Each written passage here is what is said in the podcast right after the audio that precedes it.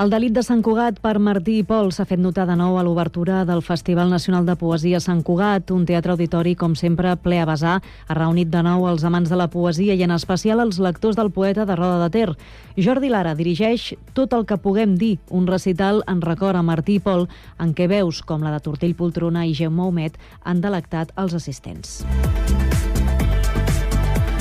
La campanya Fas 6 anys tria un llibre per fomentar la lectura ja està en marxa. Des d'aquest dilluns es poden utilitzar els cupons de 13 euros per comprar llibres als establiments adherits que la Generalitat ha fet arribar a tots els infants que enguany fan 6 anys. Es tracta de la vuitena edició d'aquesta iniciativa que impulsa la Generalitat i a la qual enguany s'han adherit 7 llibreries de Sant Cugat. Fins al 30 de novembre es poden utilitzar aquestes targetes.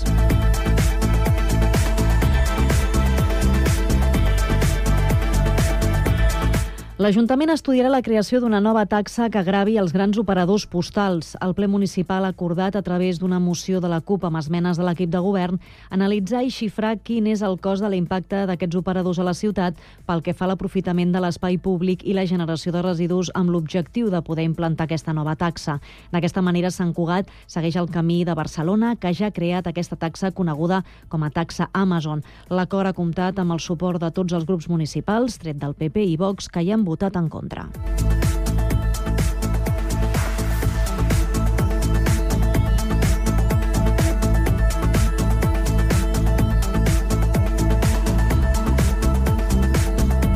I el Congrés Women Evolution arriba al cinquè aniversari a la seu de SADE amb l'esperit de continuar sent un espai per donar visibilitat i promocionar el talent femení dels diferents sectors empresarials. Sota el lema de tecnologies exponencials en els negocis, la salut i el lideratge, el Congrés d'enguany anima la reflexió en la implicació de la dona del sector empresarial en el present actual i com desenvolupar diverses tasques amb eines digitals. El Congrés, que arrenca aquest dijous a les 8.30, s'allargarà fins a les 18 hores i compta amb una trentena de ponents. Enguany Enguany la sessió també es podrà seguir de manera presencial i en línia. Participaran en la inauguració del Congrés l'alcalde Josep Maria Vallès, la directora de Comunicació i Relacions Institucionals de SADE, Maria Díaz, i la vicepresidenta del Col·legi de Metges de Barcelona, la doctora Elvira Bisbà.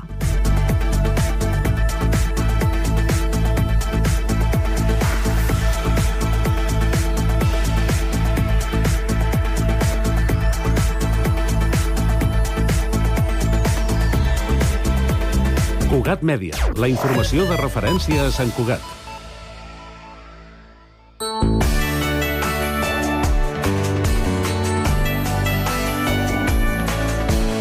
Ràdio Sant Cugat, Cugat Mèdia, 91.5 FM. Hora Sant Cugat és un contenidor radiofònic de continguts santcugatencs.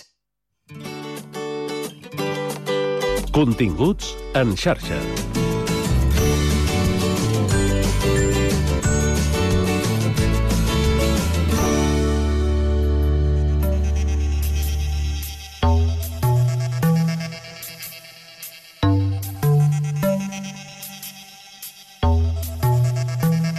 L'empresa catalana Ocean Ecostructures ha desenvolupat un biomaterial innovador derivat de subproductes de la indústria siderúrgica i agroalimentària que s'utilitza per a la construcció d'estructures de regeneració d'ecosistemes marins.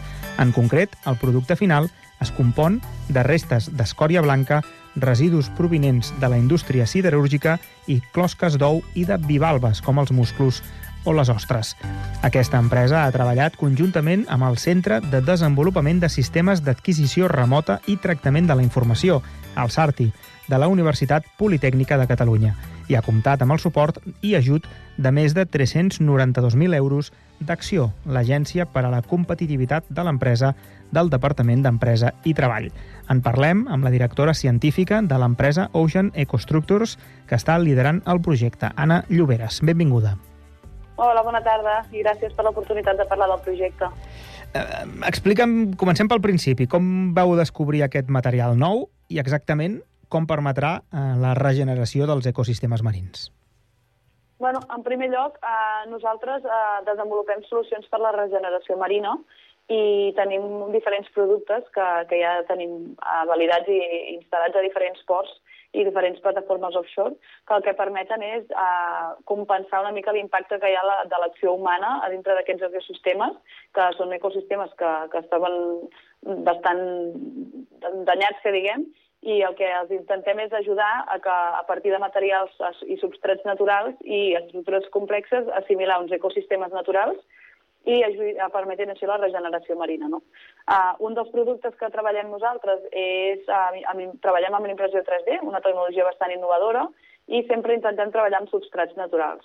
Llavors, fent un dia una pluja d'idees, eh, vam dir que per què no tornar una mica, bueno, promocionar una mica l'economia circular, no?, i tornar a l'aigua certs components que ara pues, eh, es residuen com a, com a material, matèria orgànica i, i dèiem de, de, de començar doncs, a, a explorar amb els músculs. Al final nosaltres ens basem en materials naturals rics en carbonat càlcic i, òbviament, els músculs tenen la seva closca, és un tant per cent molt elevat de carbonat càlcic i era la fórmula perfecta no, de, de, de buscar aquest nou material, que no tenim encara, estem desenvolupant-lo, encara encara estem a, a mitjans de projecte, i amb tot aquest procés eh, també ens hem, bueno, vam tenir diverses reunions amb, amb el grup eh, CERSA, amb l'empresa Bernastil, que ells també tenen aquí un subproducte molt interessant, també ric en carbonat càlcic i que actualment eh, no residua, no, no, no promocionen aquesta economia circular, no, que diguem, o potser no li porta tant valor afegit com el que podria portar eh, incorporant aquest ingredient en una formulació nova.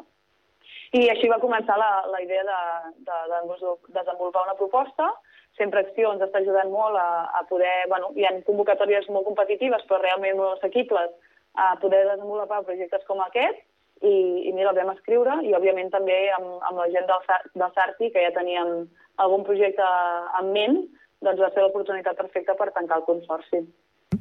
Però per, per entendre-ho potser la, que costa una mica així d'imaginar. És a dir, què, què és el, perquè eh, el que he llegit és que simulen, o la, la intenció és que simulin pedres no, o roques a sota de, del mar, no? Es posen aquestes roques fetes d'aquest material especial i això ajuda a la regeneració. Llavors, és el fet en, mm, quin és el mecanisme que fa que el fet que estigui fet amb closques d'ou i de musclos i d'ostres regeneri més que ho pugui fer una, una roca normal i corrent, per entendre'ns. Clar, estem parlant de que intentem similar una roca natural, vale? però nosaltres, el, el producte que instal·lem nosaltres, el posem en entorns portuaris o plataformes offshore, que òbviament aquestes roques normalment no, no, no hi són presents, perquè és una infraestructura humana d'on posem uns materials artificials.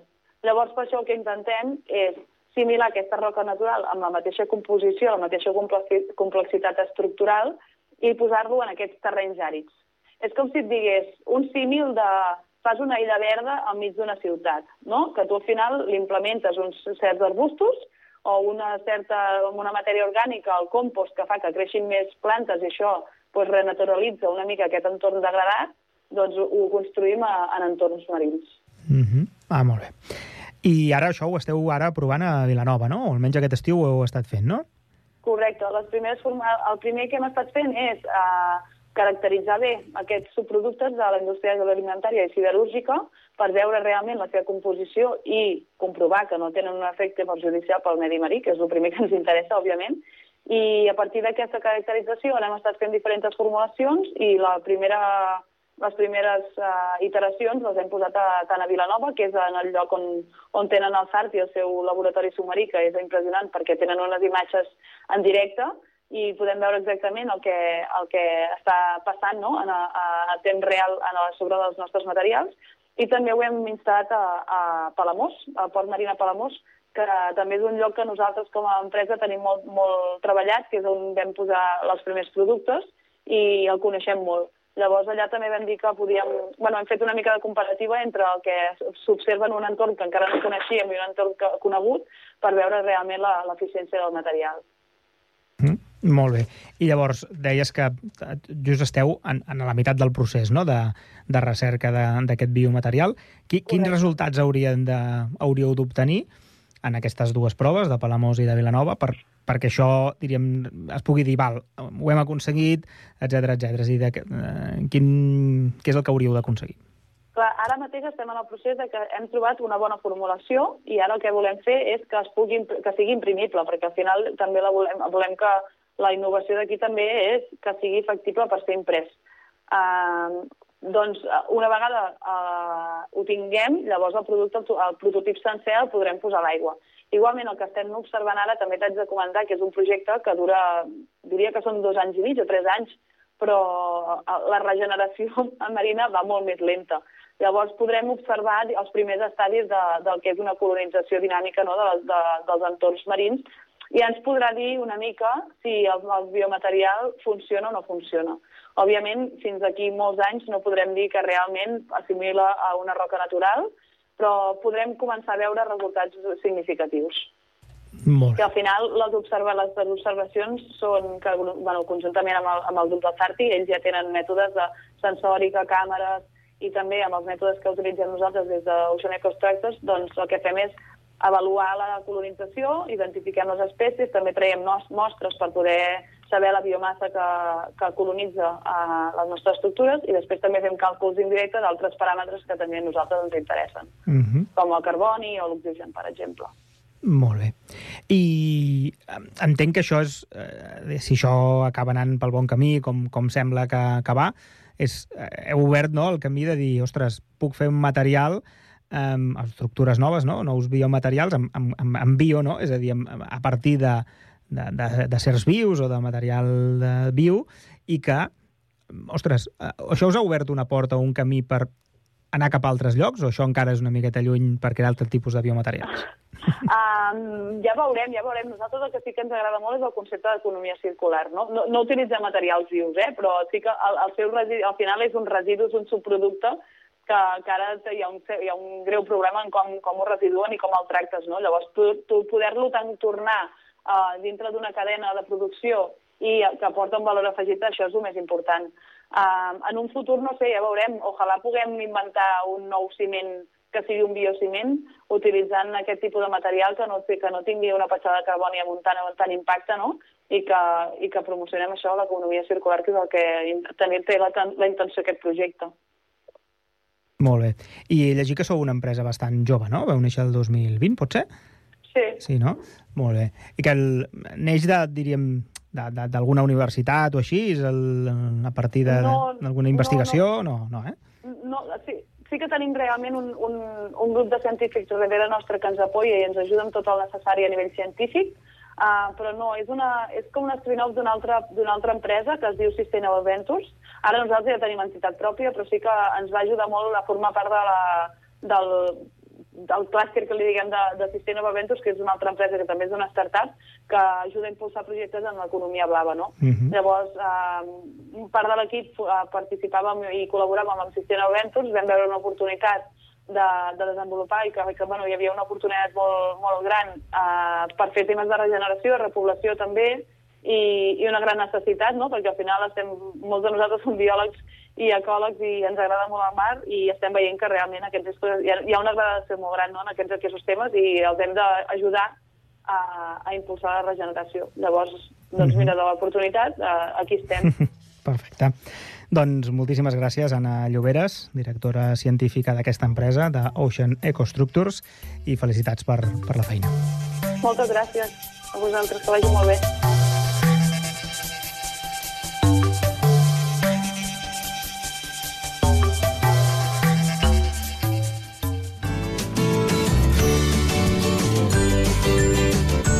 Continguts en xarxa.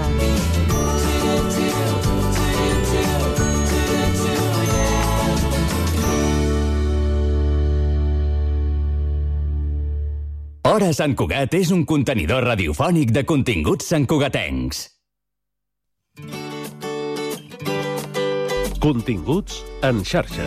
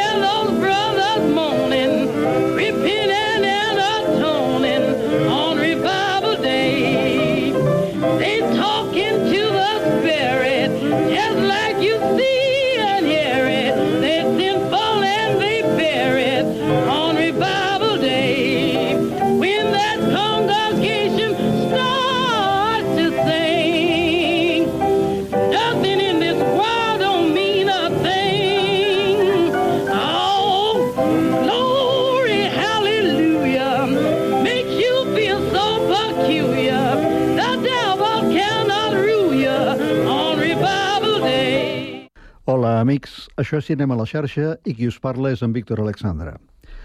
Aquesta veu negra fantàstica que ha obert el nostre espai d'avui era la de Bessie Smith, una de les més grans cantants de blues de la història, fins al punt de ser considerada l'emperadriu del blues. Potser pel fet d'haver nascut al segle XIX i haver mort prematurament, el 1937, a 43 anys només, la seva figura i els seus discos queden una mica lluny per al públic actual, però n'hi ha prou d'escoltar-la per veure l'immens talent que tenia. Ella serà, doncs, la nostra protagonista d'avui. Com passa habitualment amb aquestes grans figures, el cinema sempre s'interessa per elles.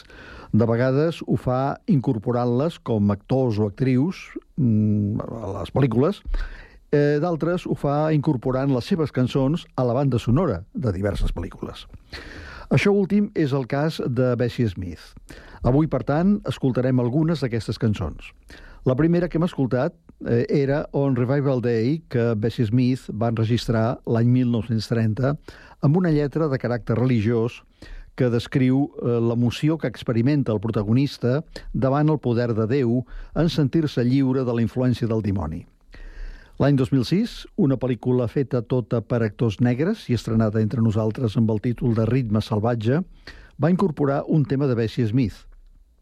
Aquest film situava l'acció als anys 30 en una sala de festes clandestina i en un moment determinat apareixia la veu de Bessie Smith cantant aquesta Do Your Duty, feu el que hàgiu de fer. If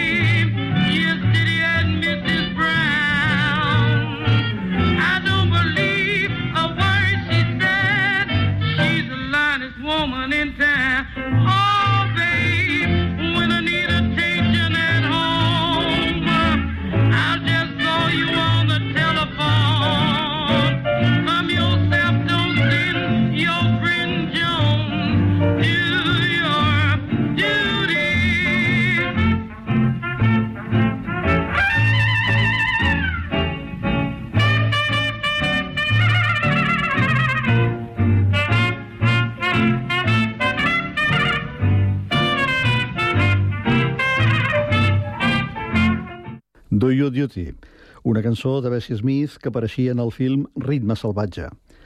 Eh, Bessie Smith era filla d'un ministre evangelista, que va morir quan ella tenia només 9, 9 anys, i d'una dona que també va morir molt jove.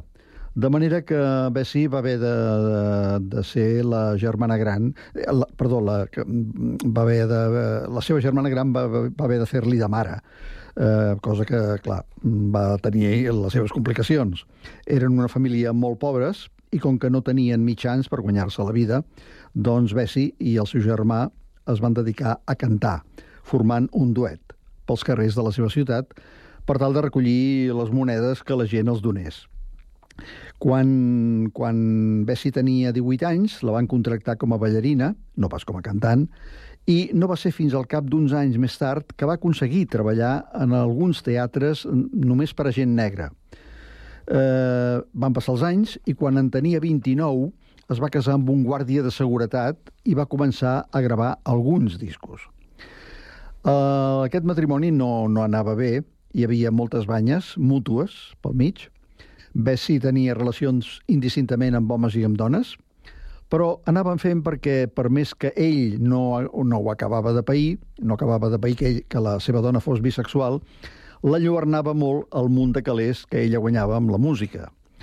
Eh, I potser per això, potser va ser per això, que ell eh, doncs no va voler-se separar i la separació va venir per part d'ella. Això va ser arran de la descoberta que va fer una revista promoguda pel seu marit en què apareixia la cantant Gertrude Sanders en les seves pàgines. Bessie va sospitar que aquella promoció de la Gertrude Saunders no era casual, va començar a lligar, a lligar caps, va anar a trobar la cantant, que era 9 anys més jove que ella, i la va estomacar eh, dues vegades. La conseqüència, és clar, us ho podeu imaginar, va ser la fi del matrimoni.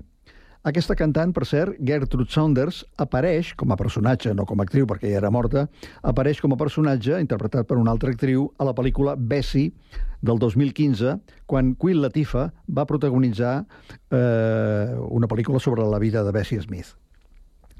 Ara escoltarem Bessie Smith, de nou, amb una cançó que George Cukor va incloure a la banda sonora de la pel·lícula Riques i famoses, protagonitzada per Candice Bergen i Jacqueline Bisset. Take me for a boogie ride.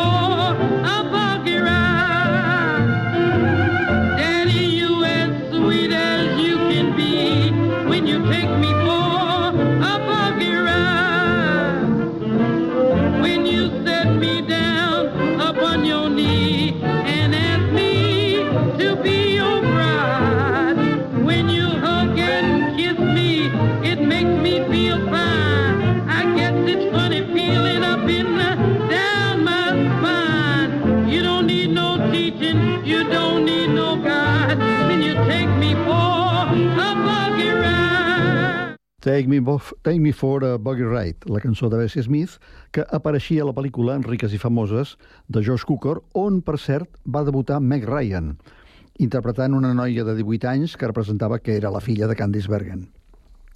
Tenia un paper molt curtet, eh? Com a actriu, Bessie Smith no va fer carrera. De fet, l'única vegada que va aparèixer en un film va ser en un curtmetratge de l'any 1929 que es deia St. Louis Blues, que només durava eh, un quart d'hora, i quan ella tenia 35 anys. I, a més a més, ni tan sols apareixia acreditada. Les, el seu nom no hi era. La vida, eh, la vida de Bessie Smith li tenia reservat un altre paper, que no era el d'actriu, que era el d'il·lustrar un munt d'imatges cinematogràfiques amb les seves cançons.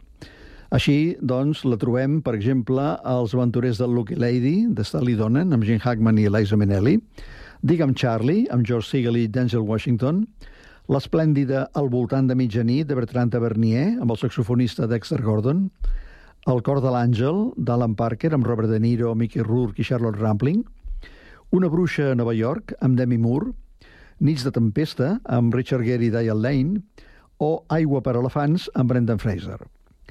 Eh, com he dit abans, Bessie Smith va morir prematurament a l'edat de 43 anys el 26 de setembre de 1937. Va ser a causa d'un accident. Molt fatal, ja, veure, ja veureu. Ella i el seu segon company, que conduïa, van tenir un accident de carretera entopant amb un camió.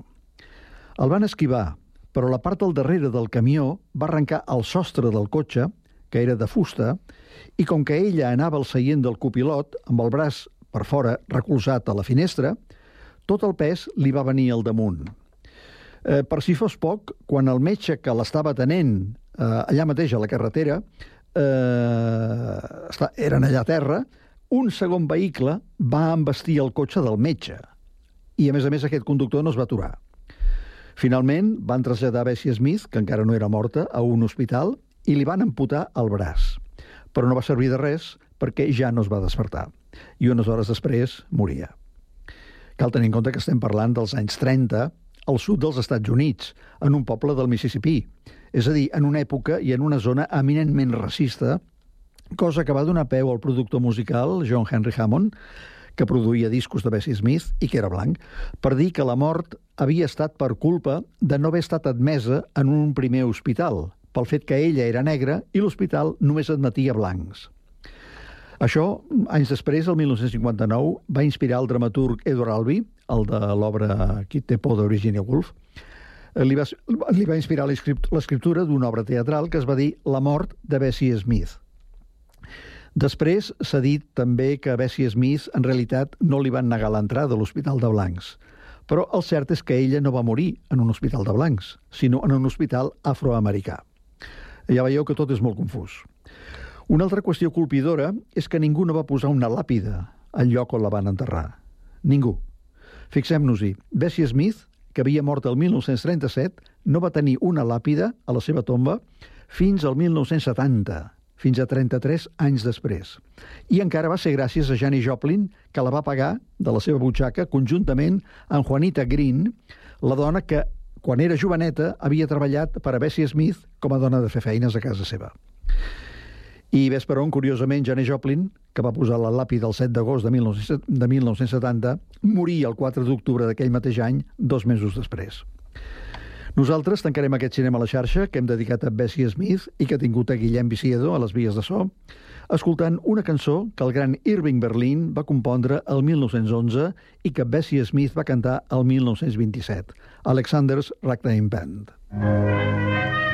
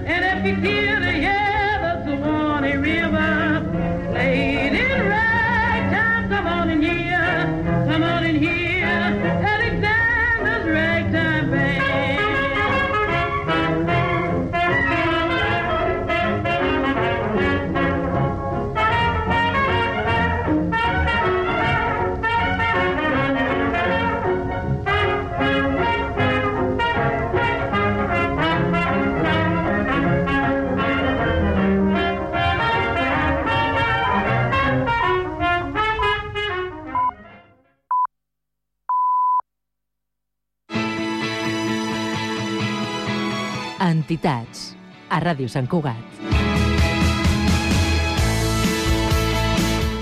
Són dos quarts d'onze del matí del dimecres 17, eh, dimecres 18 d'octubre del 2023. Comença el programa Entitats.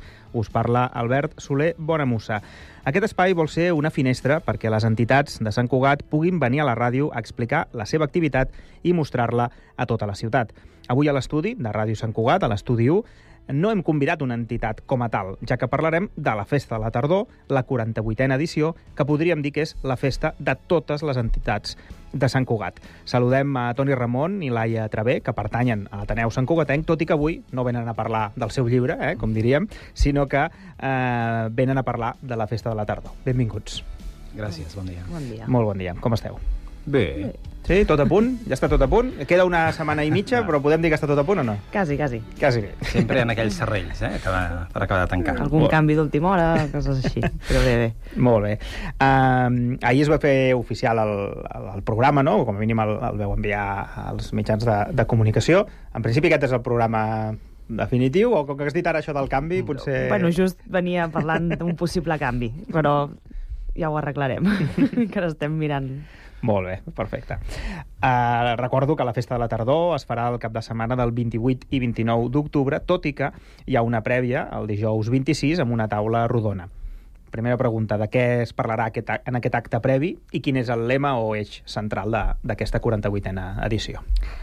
Aquest any les entitats, a l'Assemblea d'Entitats, han decidit que el lema sigui migrants, veïns i veïnes del món per parlar la problemàtica de la immigració que tenim aquí a Sant Cugat o bueno, tot el que inclou i si les entitats som inclusives o no inclusives o la ciutat és inclusiva o no inclusiva amb, amb gent eh, això, que ha migrat i quins problemes, quins conflictes es troben.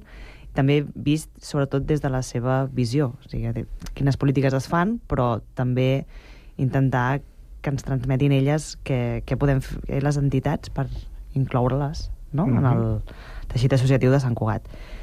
I per això tenim a l'associació col·lectiu Via Yala, això és una mica difícil de pronunciar, però és una entitat que treballa amb persones eh, de Colòmbia, sobretot, però bueno, gent immigrada que ve aquí i, i intenta doncs, que se sentin acollides. No? I amb això tindrem... Primer faran un, unes petites sessions teatrals per escenificar diferents realitats que s'han trobat aquestes persones quan han arribat a Sant Cugat, per contextualitzar una mica la taula rodona i després hem convidat a la Edi Laverde, que és la, una de les persones d'aquest col·lectiu, que és exiliada política d'origen colombià, fundadora de l'associació Via Yala, que organització que ajuda a joves mitjançant les arts escèniques en, en poder trobar aquesta inclusió. Després hi ha la- l'Ares Perceval, que és d'Unipau, que ens donarà el contrapunt amb quines entitats d'aquí també ajuden a, en aquesta en aquest, treballar en aquest col·lectiu. I per últim, en el programa teníem l'Osman Umar, però al final vindrà la Catalina Carmona Ruiz, que és de la Floresta contra Fronteres, que és una escriptora i professora d'història d'artista, multidisciplinar, i que, bueno, que és diplomada en periodisme literari a la Universitat Autònoma de Barcelona i bueno, ha treballat en diferents, en diferents mitjans de comunicació i ha treballat també en la, bueno, tot el tema aquest de la, de la immigració. I et dic que hi havia canvis, que just vam treure el programa ahir i em van... Just, I, I just ahir... i, van, I just després em diuen no, que al final ha canviat el ponent. Dic, no m'ho puc creure. Però bueno, coses que passen. Molt bé. Així és el tema ara. Perfecte. I, i, i la, tot i que evidentment hi haurà una taula rodona per, per debatre-ho i tal, el plantejament inicial és que realment Sant Cugat és una ciutat eh, acollidora, eh, creieu? Una mica de, des de l'Assemblea. En- Entenc que si es fa aquest debat és que possiblement és que no, eh? No ho sé, eh? Quin, quin, quin, quin plantejament teniu? A veure, eh, Sant Cugat, jo crec que està bé que les entitats no, posin damunt de la taula aquesta temàtica i sobretot que es mirin a si mateixes de si estan fent prou doncs, per acollir tota la ciutadania nouvinguda que pot arribar a, a casa nostra. També és veritat que Sant Cugat és una ciutat mm, dins de, de la corona metropolitana doncs, un cert oasi no, fruit de, també no, d'un model urbanístic i d'una expulsió pels preus de l'habitatge d'un tipus de, de població. No? Uh, en tot cas, tot i no ser una ciutat on hi hagi un conflicte eh, viu no? per, un, per problemes de, de migracions, eh, sí que la realitat és que en el teixit associatiu, si no és un teixit associatiu específic eh, format per aquests col·lectius o, per aquests, o de cara a ajudar aquests col·lectius, la presència de ciutadania nouvinguda en les nostres entitats no és elevada més enllà de eh, projectes doncs, que vagin adreçats a aquesta població. Llavors, que les entitats ens fem aquestes preguntes, reflexionem i intentem fer de Sant Cugat una ciutat molt més acollidora, doncs eh, ens sembla un, vaja, molt positiu de que sense, torno a dir, sense ser una ciutat conflictiva en aquest tema, està molt bé que ens haguem plantejat com eh, podem ser encara més inclusius i evitar qualsevol conflicte que es pugui produir fruit de les migracions mm -hmm. que estem vivint no, en aquest segle XXI encara. I tant, i tant, i tant. Perfecte, doncs plantejat el, el tema. Uh, aquest any hi ha 52 entitats que participen d'alguna manera uh, en aquesta festa de la tardor, entre les quals també hi som nosaltres, també hi és Cugat Mèdia, el mitjà públic de, de la ciutat. És un dels millors anys en participació o, o n'hi ha hagut de, de fins i tot millors? A veure, la participació va, va fluctuant, però sempre es mou amb xifres molt elevades. També hem de tenir en compte que moltes vegades dins d'aquest llistat d'entitats Uh, per exemple, si parlem de la xarxa solidària, doncs eh, ells ja concentren moltes més entitats. Per tant, aquesta xifra normalment acaba sent superior aquestes 52 doncs, que surten al programa, no? perquè hi ha coordinadores o xarxes que aglutinen altres entitats. Ens hem arribat a moure al voltant, no sé, si fins i tot donant xifres potser una mica més baixes, ens hem arribat a moure que eh, s'acaben involucrant a la festa gairebé un centenar de col·lectius. Per tant, són xifres bastant importants eh, també cert amb una entitat amb una ciutat, perdó, plena d'entitats i molt activa.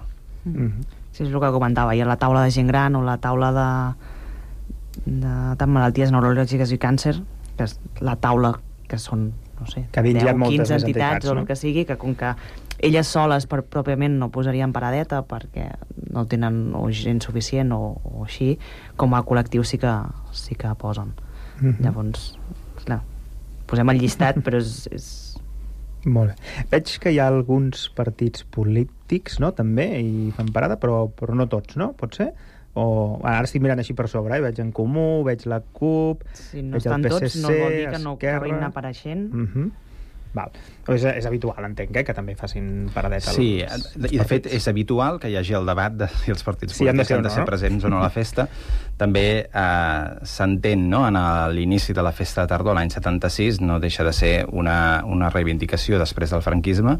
De fet, la festa de tardor eh, neix en un moment on encara no hi ha ajuntaments democràtics, i per tant eh, la presència de, dels partits habitualment, no? els que van lluitar eh, en contra del franquisme i per la restitució de les institucions doncs hi han estat presents des d'origen. Sí que és cert que en moments que les festes de tardor han coincidit en campanyes electorals, des de l'Assemblea d'Entitats s'ha demanat eh, molt específicament i directament als partits que s'abstinguin de fer qualsevol acte de campanya en el marc de la festa de tardor, no? que hi siguin presents per històric de la festa tardor és una cosa que no es pot negar, però eh, sí que es demana doncs, que tinguin una visió molt de ciutat, molt de participació i no de, de gran míting o de campanya. Uh -huh. Molt bé.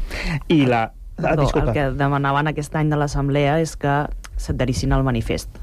És a dir, ja s'ha fet un manifest conjunt parlant de la, del, del lema en qüestió. Per tant, tota entitat que participi a la festa de tardor s'adhereix d'alguna manera al manifest. Uh -huh. Llavors... Molt. Va, d'acord. Com que no venim a parlar política, doncs ho, ho, ho deixem aquí, perquè em sortirien altres preguntes relacionades amb això. Uh, la plaça d'Octavià torna a ser el, el centre neuràlgic de la festa, ho és, ho és sempre, però no només, no? És a dir, també hi ha...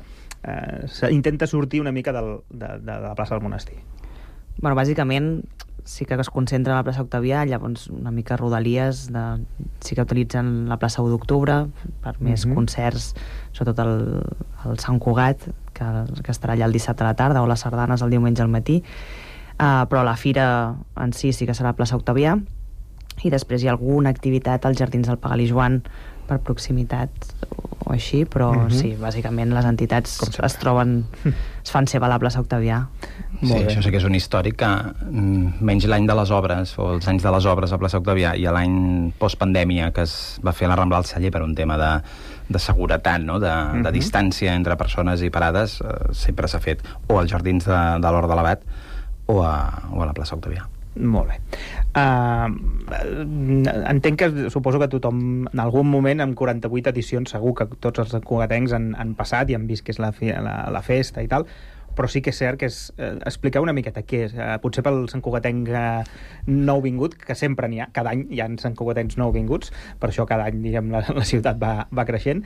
Eh, què és una mica la festa i què s'hi trobaran si passen per aquesta plaça tan cèntrica?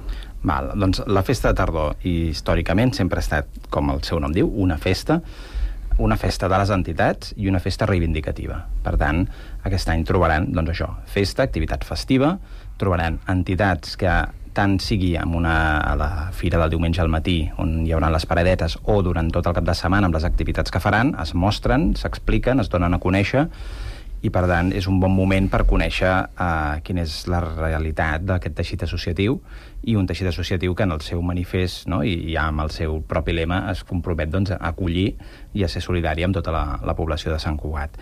Eh, trobaran, eh, jo crec que també mm, molta història del, del Sant Cugat d'abans, no? que s'ha anat modernitzat i encara és present avui en dia, no? de, del Sant Cugat eh, més poble.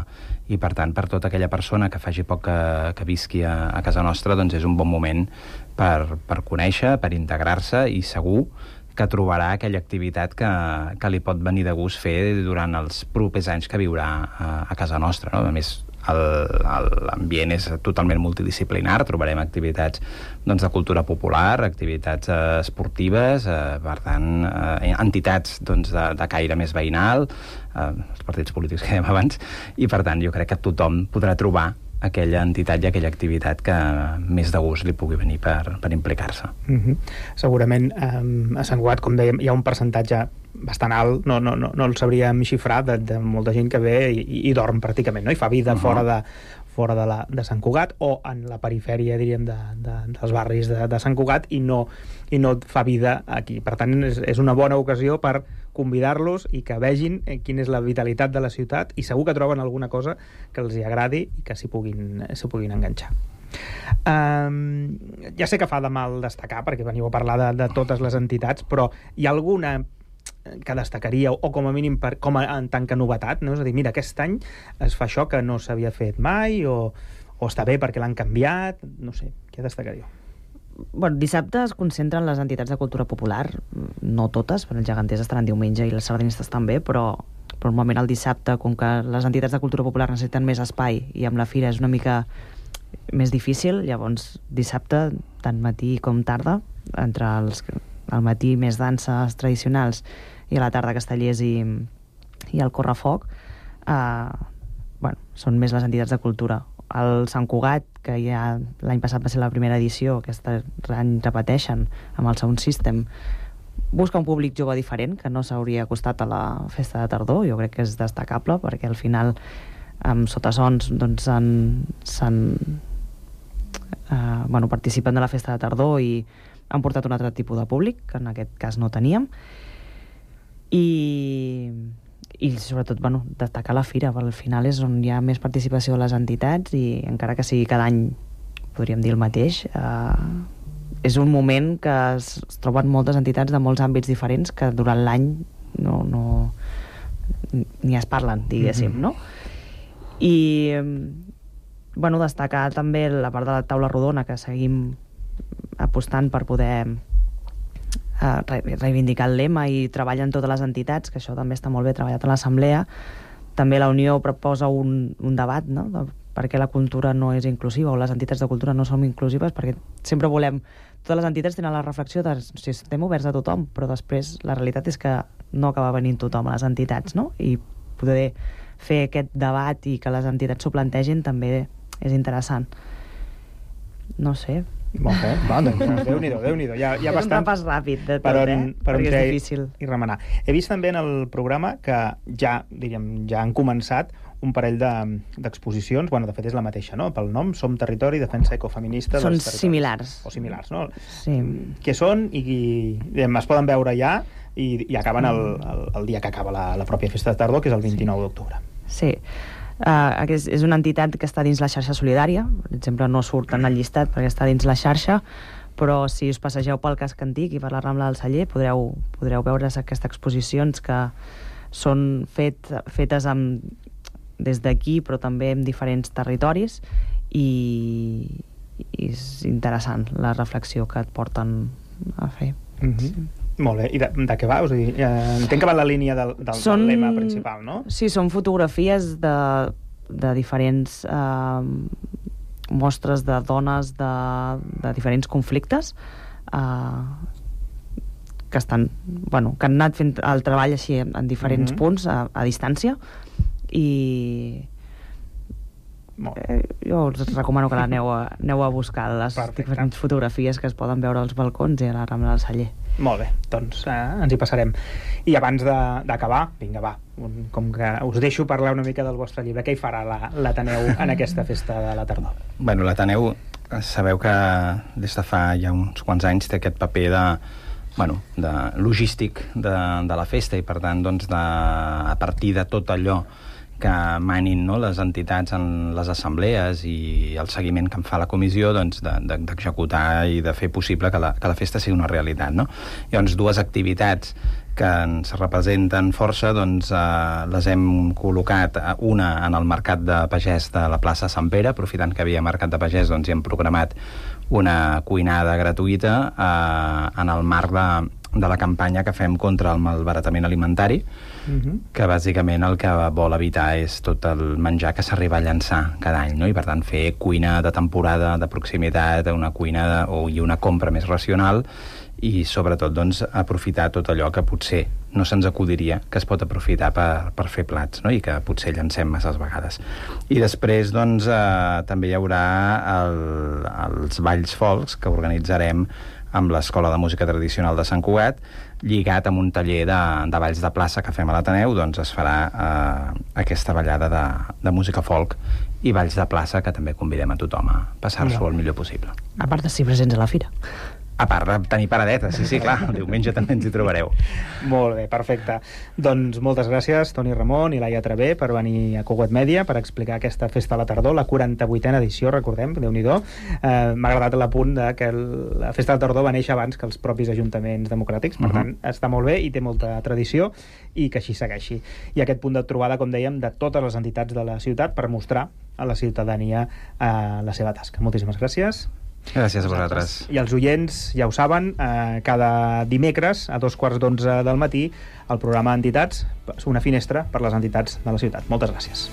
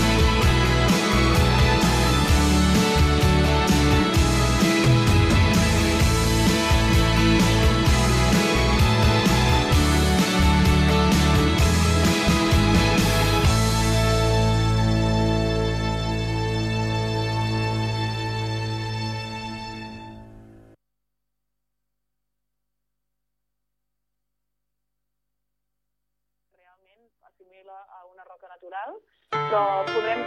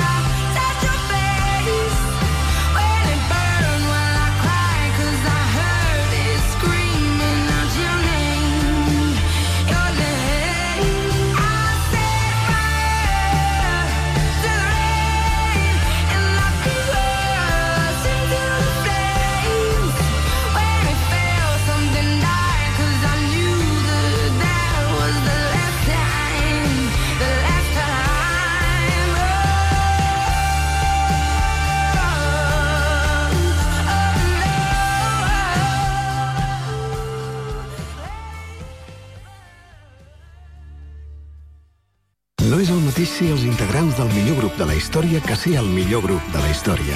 Per això, el grup català Occident serem Occident, perquè per continuar assegurant-ho tot, tot i tot, ens havíem d'ajuntar tots, tots i tots. Entra a seremoccident.cat. Molta comèdia, el programa de les arts escèniques de Sant Cugat i de Sant Cugat. Aquell que us parla, Eduard Gené, explicarà amb l'ajuda dels artistes protagonistes tot allò que representa i es cou a Sant Cugat de teatre, de dansa, de música, de màgia o de circ. Cada dijous a les 12 del migdia i reemissió a les 8 del vespre i, com sempre, pots escoltar el programa quan vulguis amb el podcast a través de Cugat.cat. Molta comèdia amb tu cada dijous per saber què pots fer al cap de setmana si t'agraden les arts escèniques.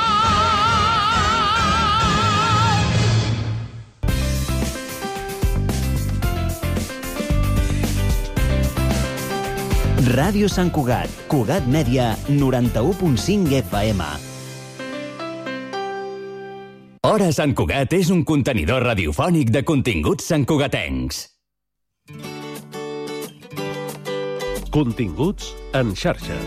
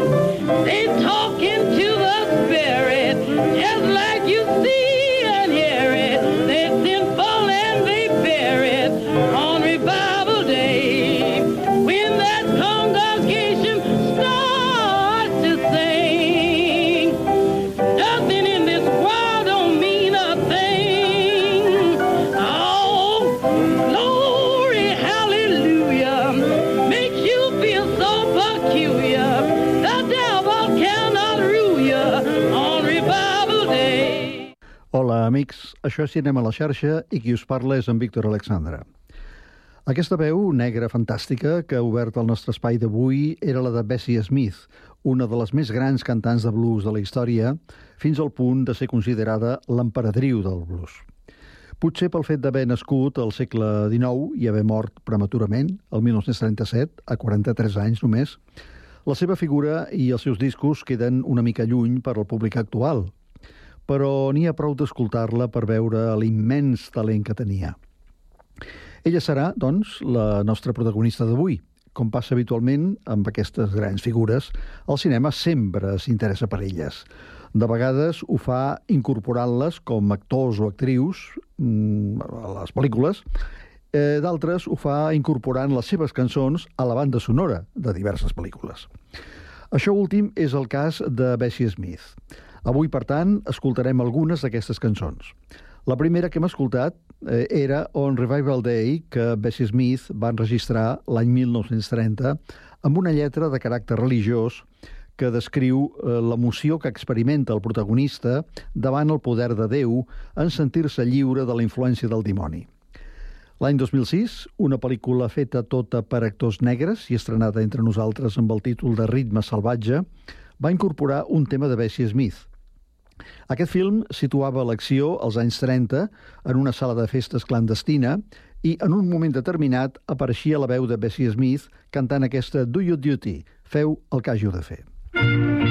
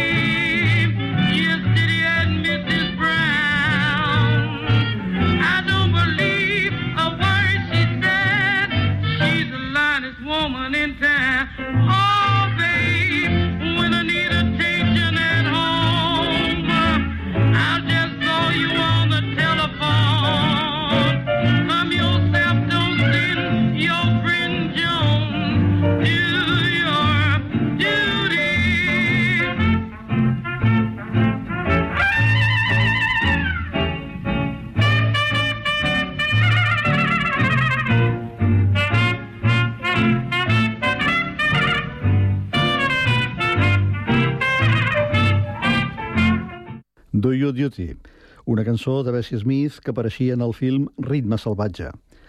Eh, Bessie Smith era filla d'un ministre evangelista que va morir quan ella tenia només 9, 9 anys i d'una dona que també va morir molt jove. De manera que Bessie va haver de, de, de ser la germana gran, eh, la, perdó, la, mm, va haver de, la seva germana gran va, va haver de fer-li de mare, eh, cosa que, clar, va tenir les seves complicacions. Eren una família molt pobres,